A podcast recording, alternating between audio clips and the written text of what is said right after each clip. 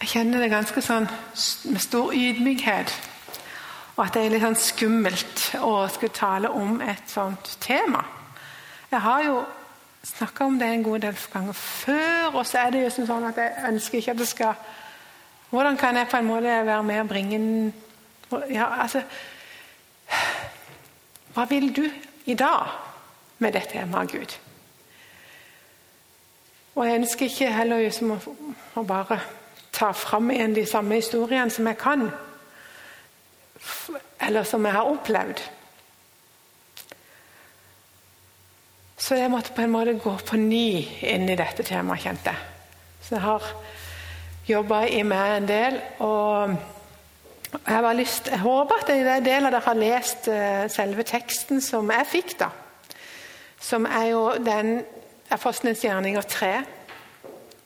Og, den, og den, uh, det er når uh, Peter og Johannes går til tempelet, og der sitter en lam mann og tigger der. Og Peter og Johannes de stopper opp, og så sier de dette her. ikke sånn, Sølv eller gull har jeg ikke, men det jeg har, det skal jeg gi til dere. Til deg. Og så sier han 'reis deg og gå'. Og det gjør han jo. Og han priser Gud. Um, det er jo mange fortellinger der mennesker blir helbredet i Bibelen. Det står jo at Jesus han helbreda alle han møtte. Alle står der. Um, og Blant de første kristne så var det utrolig mange. Det er altså Under og tegn det, det fulgte de, de, de, første kristne. Um, men, men det skjer under i dag. Og det skjer helbredelse i dag. og Det er jo derfor at vi kan ta det temaet og snakke om det med frimodighet.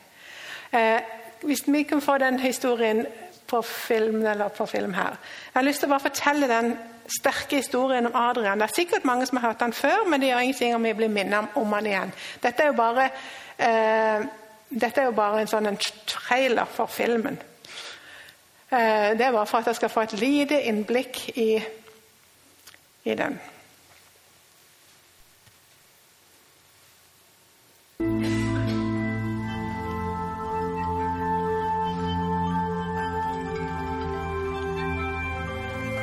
Husk På et tidspunkt så gikk jeg gjennom sykehusgangene i barneavdelingen. Og jeg hørte noen brøl. Jeg tenkte, Har de lagt inn en voksen mann på barneavdelingen? Det må jo skremme livet av alle ungene. Og etter hvert som jeg nærte meg vårt rom, så ble det sterkere og sterkere hele tida. Til jeg kom inn på rommet og oppdaga at det var mitt barn som lå der og brølte i smerter. Og der han hadde så vondt at jeg kunne ikke gjenkjenne stemmen hans. Det til å se at ungene dine har det vondt, har smerter, har, har skikkelig vondt, og du ikke kan hjelpe dem eh, eneste du kan gjøre, det er å gå rundt og bære på dem og vogge dem og prøve å hjelpe best du kan. Men du strekker jo ikke til. Ingen snakket om prognosen, eh, men vi sikkert hver for seg tenkte sitt. vet du. Det, det, det så ikke bra ut. Eh, fordi at eh, det, det vet, immunsystemet var dårlig. Det dominerende og viktigste har jo vært at magen ikke har fungert. At han ikke har tålt mat. Etter hvert så endte han opp uten noe mat i det hele tatt. De gangene Adrian har vært syke, så har han vært innlagt eh, på, på barneavdelingen. og Vært isolert, og eh, han eh, har vært veldig utslått. Da har han hatt høy feber og orket veldig lite. For meg så det ut som det gikk nedover hele tiden. Ja, Prognosen var ikke så veldig bra.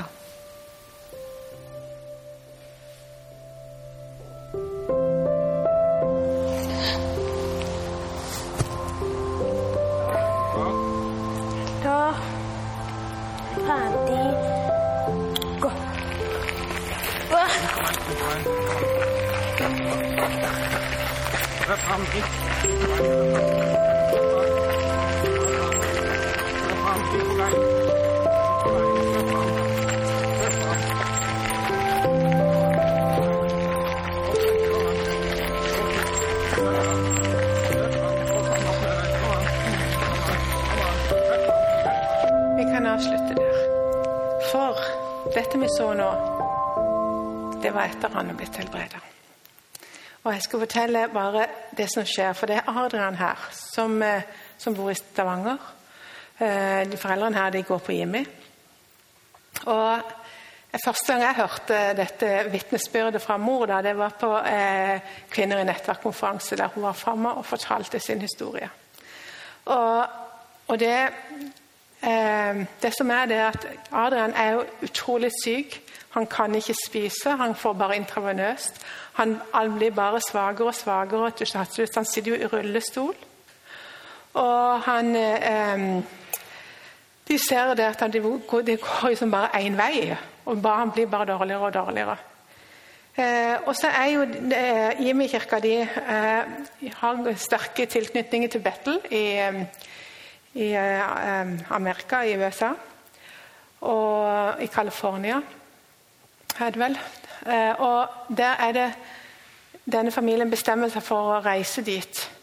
Og de, og de vil ta med han. Han er over, over 100 kg i, i medisinsk utstyr med seg.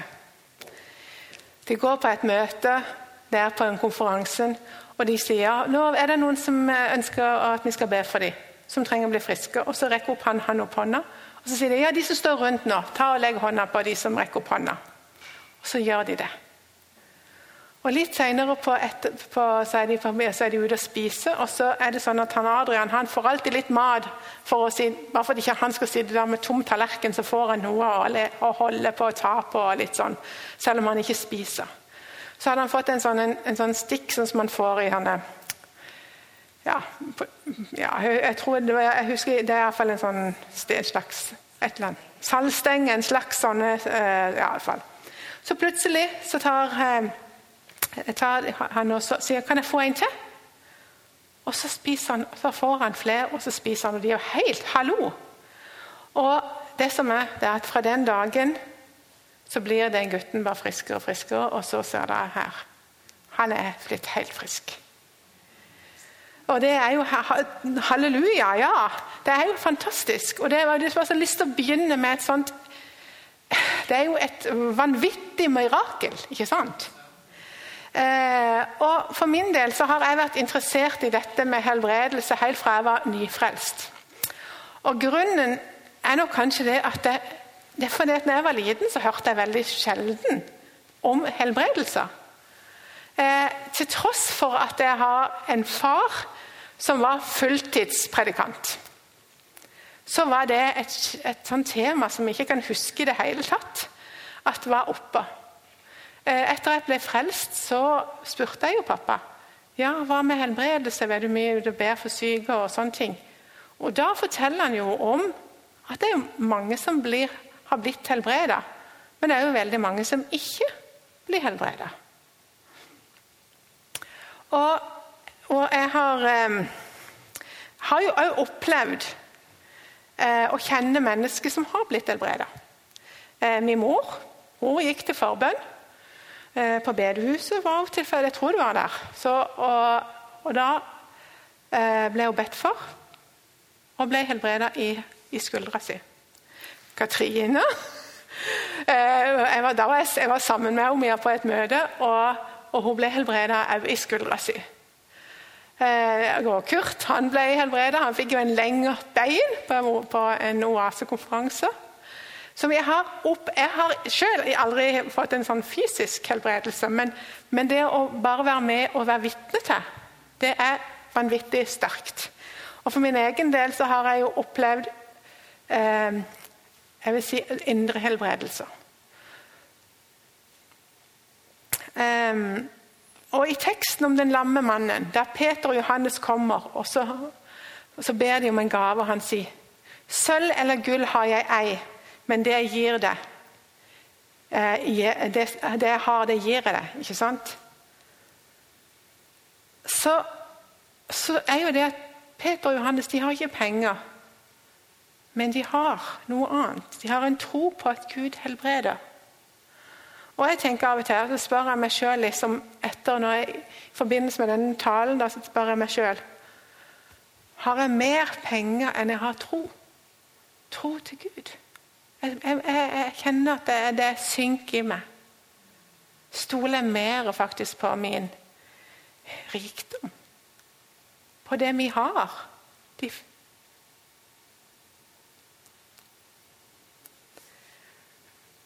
Og så er det et menneske som jeg har lest mye av og om, og jeg er svært fascinert av, av henne.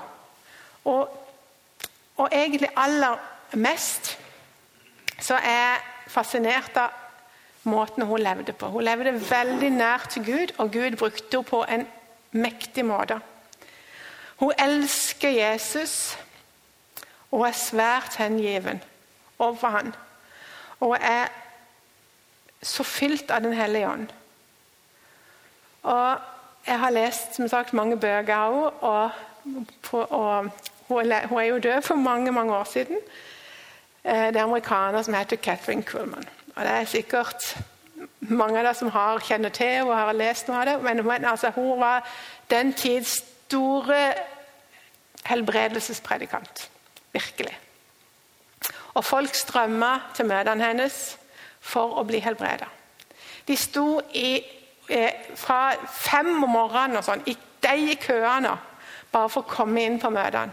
Og det var stappfullt, og de kom alle, det, det, var mange syke, men ikke bare det. Men det var òg mennesker som lengta etter mer av Gud. Og I forbindelse med at jeg har tatt og forberedt meg til den talen, så har jeg sett en del på YouTube og gamle klipp fra hennes tale. Og hele tida så er hun veldig sånn dere, dere, altså, dere, må, dere, må, ikke komme her for å se med, men dere kommer her for å møte Gud. Det er det, altså, det, er det dere får. Det er å møte Gud. Fordi at hun er null. Jeg er null, sier hun. Hele tida er hun veldig eh, opptatt av det og sier det at hun er ingenting. Men Jesus er alt. Og hun sa Alltid før hun gikk på scenen, så sa hun Kjære Gud, hvis ikke du salver meg og rører med meg, så er jeg ingenting. Jeg er verdiløs når kjøttet kommer fram. Du må ha all ære, ellers kan ikke jeg gå ut der og tjene. Jeg går ikke ut uten det. Og så er det jo sånn at eh, Gud var trofast. For han gikk ut der sammen med henne, og det var han som gjorde sitt. Og jeg kan ikke annet. I dag så har jeg lyst til å lese eh, litt fra, fra ei bok eh, og derfra, som er rett og slett rett ut ifra et av hennes møter. Og Da er det ei jente som heter Lisa, som eh, hun har kreft i hele bein, bein, bein, beina sine. Så hun, de er bare smuldrer opp, rett og slett.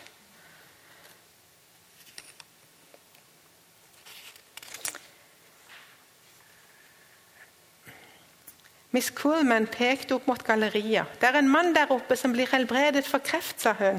Det skjer akkurat nå. Reis deg og ta, ta imot helbredelsen. Jeg snudde meg og forsøkte å se opp mot galleriet, men det var for stor avstand. Jeg så bare ansikter. Men det var som om det var tente lys der oppe. Ikke den slags man kan se, men det lys man kan føle. Det var over hele bygningen, lys og kraft som om små ildtunger satt på hodene. Jeg følte noe som lignet elektrisk strøm gå gjennom meg. Miss Coolman fortsatte å peke ut andre som ble helbredet. Plutselig pekte hun mot rullestolseksjonen der vi satt. Der nede er det kreft, sa hun med myk stemme. Reis deg og ta imot helbredelsen. Jeg så på Lisa, men hun beveget seg ikke. Selvsagt gjorde hun ikke det. Hvordan kunne hun vite at hun hadde kreft? Vi hadde ikke sagt noe til henne. Jeg ble meget oppskaket. Hvis jeg sa det til henne at Miss Coolman snakket til henne, og hun reiste seg, kunne hoften og benet svikte. Hva skulle jeg gjøre? Miss Coolman ristet på hodet og snudde seg fra vår avdeling. Hun ropte ut helbredelser andre steder i salen. Jeg kjente meg ille til mote. Var Lisas sjanse forbi? Var det for sent? Da snudde Catherine Coolman seg til oss igjen og pekte. Jeg kommer ikke vekk fra dette, sa hun. Det er en der nede som blir helbredet fra kreft. Du må reise deg og ta imot din helbredelse. Mamma, mumlet Lisa. Det føltes så varmt i magen. Vi hadde ikke spist noe siden tidlig på morgenen, og jeg begynte å lete i veska etter noe sukkertøy. Nei, det er ikke sult, sa Lisa. Jeg ville ikke ta imot, og ville ikke ta imot sukkertøyet jeg gav henne. Det er noe annet. Miss Coolman fortsatte å peke på oss. Jeg så meg omkring. Det var ingen som sto i vår avdeling. Jeg visste at det måtte være Lisa som ble helbredet, men jeg var redd. Tenk om det ikke var henne? Tenk om hun reiste seg og falt? Eller det var enda mer skremmende. Tenk om det var Lisa og hun ikke reiste seg? Når jeg tenkte på dette, syntes jeg at jeg kunne dø av uvisshet. Da lente Lisa seg mot meg og sa, 'Mamma, jeg tror jeg vil gå på scenen. Jeg tror jeg blir frisk nå.' 'Gjør hva du vil', svarte jeg, lettet over at hun hadde tatt bestemmelsen, så jeg slapp men jeg fryktet øyeblikket da hun skulle prøve å stå uten krykker. En av medarbeiderne forsto at det var noe som skjedde med Lisa. Han kom bort til oss. 'Jeg syns jeg føler meg bedre', sa Lisa til ham.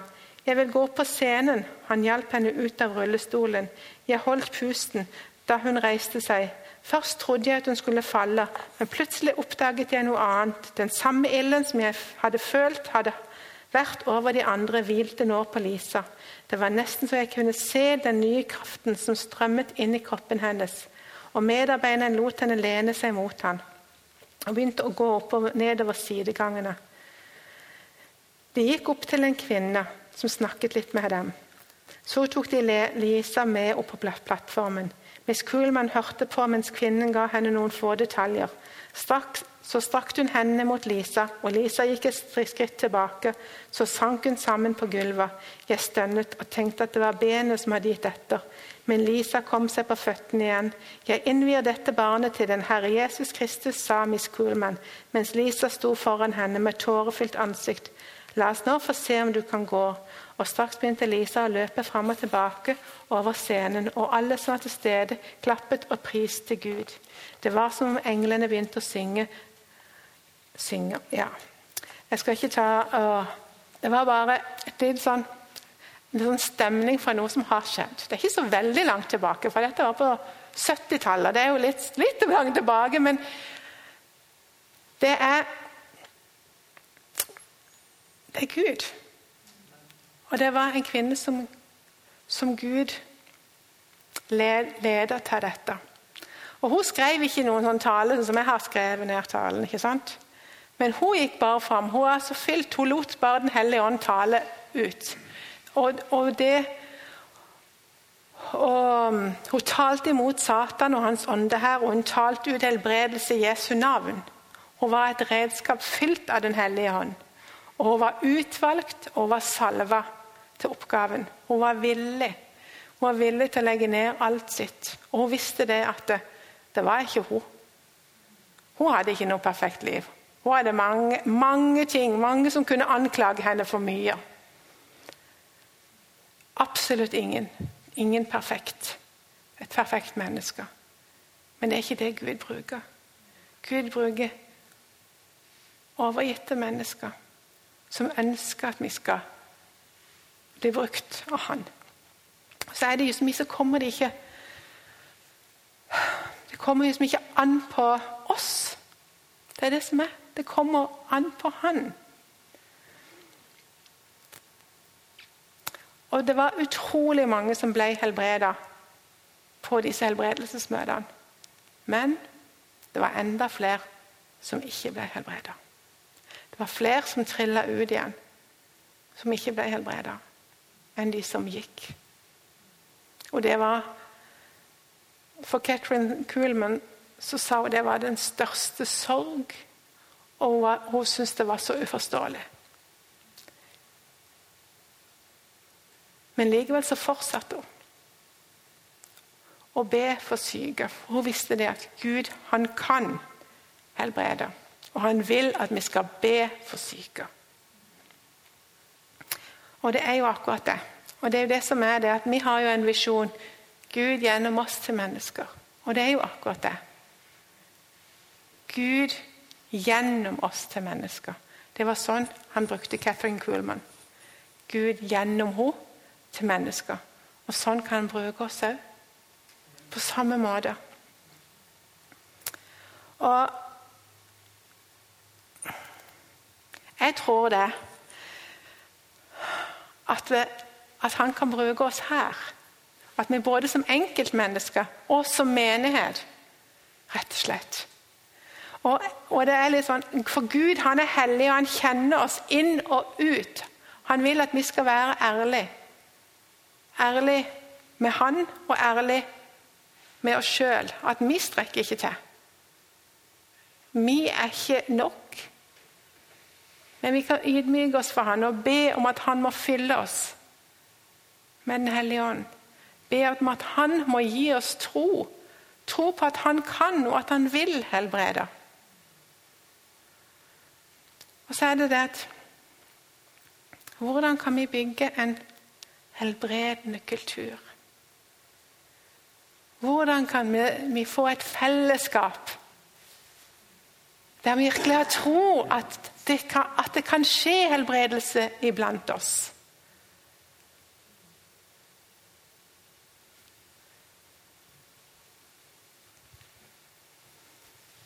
Hva er holdningen vår til helbredelse? Det er vanskelig. Det er et vanskelig tema. Og det er litt sånn at jeg spør meg sjøl er det så krevende at vi egentlig unngår det. Ja, vi har det på, på agendaen nå, men hva, hva gjør det? Gjør det noe med oss? Gjør det noe med vår praksis? Gjør det noe med vår holdning til det? Gjør det noe med oss sånn at vi har mer større frimodighet til å be for syke, f.eks. Jeg tenker at vi må tråkke på janteloven. Fordi vi trenger å ikke være redd for å fortelle når vi ser hva Gud gjør. For vi er så lett for å tenke å nei, vet du hva, hvis jeg går fram der, så tror de at, at jeg prøver å framheve meg sjøl. At jeg skal ta noe ære her, eller ikke sant? Det er så lett å tenke sånn. Så blir det til at vi tar litt sånn tie stille. Eller tenker vi sånn. Og det vet jo ikke lenge det varer, så det, jeg tør ikke si noe. Det er jo noe. Det er så mange ting som klarer å hindre oss i å vitne om det som Gud gjør. For han gjør masse. Men vi må løfte det fram. Jeg tror det. Jeg tror at vi trenger å løfte det fram. For at vi alle sammen skal få se hva Gud gjør. Og På den måten så bygger det òg vår tro på at han kan, og at han vil.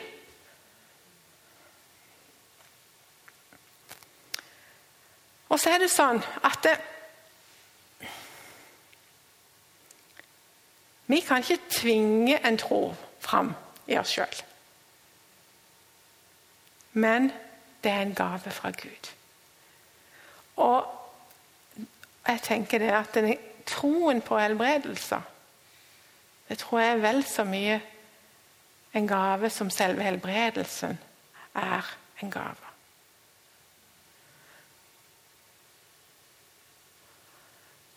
Og Vi må aldri glemme at et menneskes frelse det er det aller, aller største mirakelet. Det er et stort mirakel. For I Matteus 9 så står det Der bar de til ham en som var lam og lå på en båre. Da Jesus så deres tro, sa han til den lamme, Vær frimodig, sønn, dine er, til, synder er tilgitt. Noen skriftlærde sa da med seg selv, Denne mannen spotter Gud, men Jesus visste hva de tenkte og sa. Hvorfor har dere slike onde tanker? Hva er lettest å si, enten dine synder er tilgitt, eller stå opp og gå? Men for at dere skal vite at menneskesønnen har makt på jorden til å tilgi synder. Og nå sier han til den lamme, stå opp og ta båren og gå hjem. Og mannen reiser seg og gikk hjem. Det var viktigere for Jesus at han fikk sine synder tilgitt. Men det var for det skrev bli ekstra synlig over hans makt at han i tillegg tok og helbrede han sånn at han kunne gå. Fordi at Gud vet det. At det viktigste er vårt det åndelige. At vi er åndelig friske. Det er det viktigste for Gud. Og at vi er frelste, det er det viktigste for Gud. Mer enn at vi er fysisk friske. For vårt legeme i denne verden, det er jo forgjengelig, og det skal dø. Ikke sant? Men for Jesus, for Jesus frelste oss,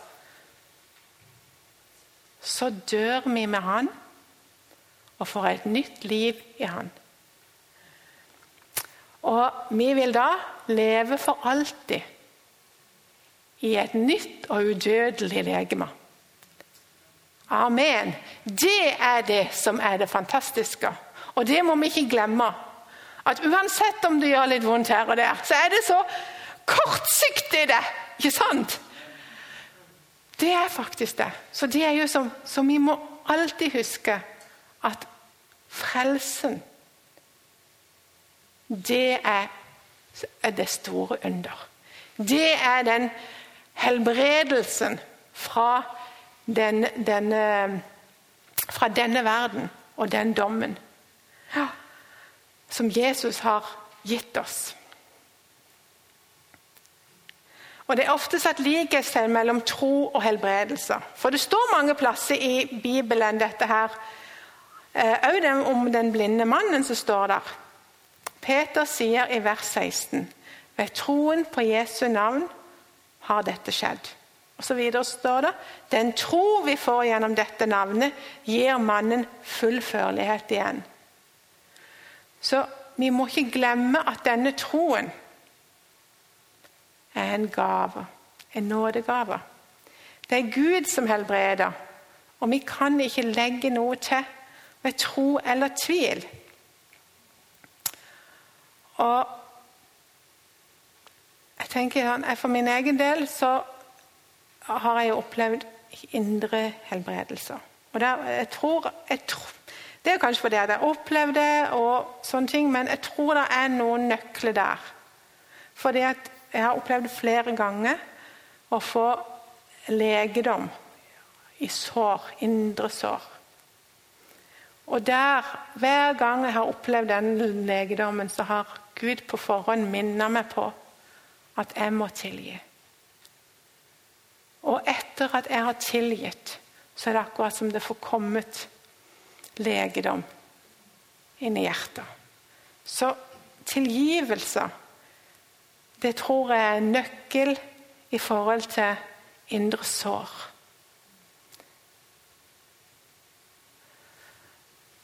Um, og så er det jo dette med når det dette med å leve med smerte og sykdom, det er jo vanskelig. Vi kan ikke si noe annet. Og det kan jo være veldig vanskelig dette her med å gå til forbønn igjen og igjen og ingenting skjer. Jeg har sjøl opplevd det mange ganger, det kan være utrolig vanskelig. Så de kjenner noe. Å, nei. Og igjen og igjen. Nei. Og så, å, så føles det nesten sånn prest. Du føler nesten at du burde jo nå snart kjenne noe, ikke sant? Uh, men det og, og det er jo mange som har alvorlige sykdommer. Dødelige sykdommer. Og de går igjen og igjen. Og det er klart at det er kjempetøft. Det er skikkelig tøft. Og, og det er klart at det er Jeg tror det kan være vanskelig til slutt å gå til forbønn. Og det kan være òg kanskje vanskelig å snakke med Gud om det. Og du kan kanskje spørre deg, å, gjør jeg noe galt. Dette er så uforståelig. Jeg kan ikke forstå hvorfor, hvorfor blir jeg ikke frisk? Og så kan det være vanskelig å høre om når andre blir friske, kanskje.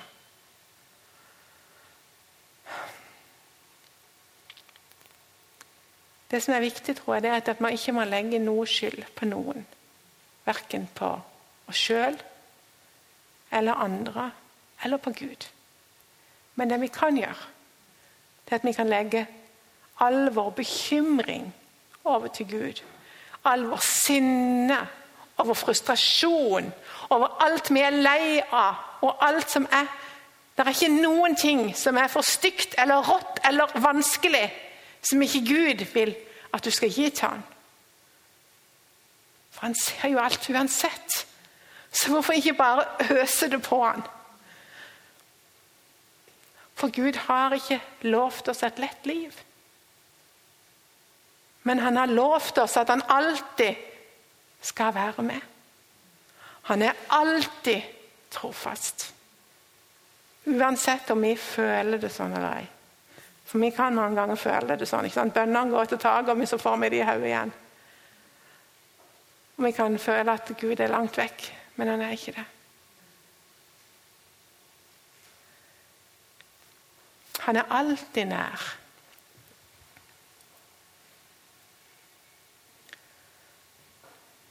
Og så syns jeg at eh, her hos oss så har vi en unik mulighet til å bruke bønnehuset. Til å søke Han der. Til å bli bedt for, til legedom. Både for fysiske og psykiske smerter og sykdom. Og for indre sår.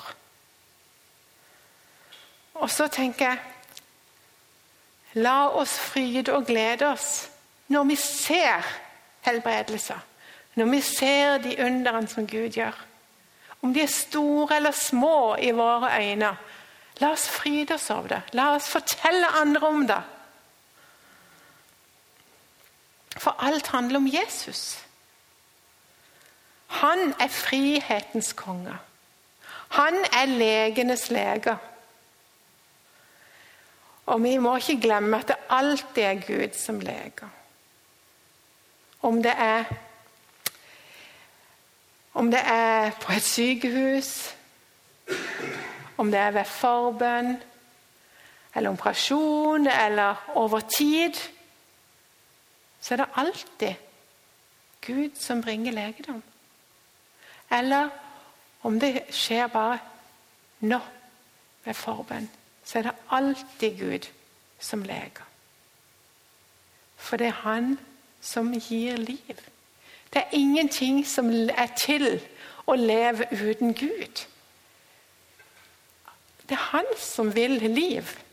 Det er Han som opprettholder liv.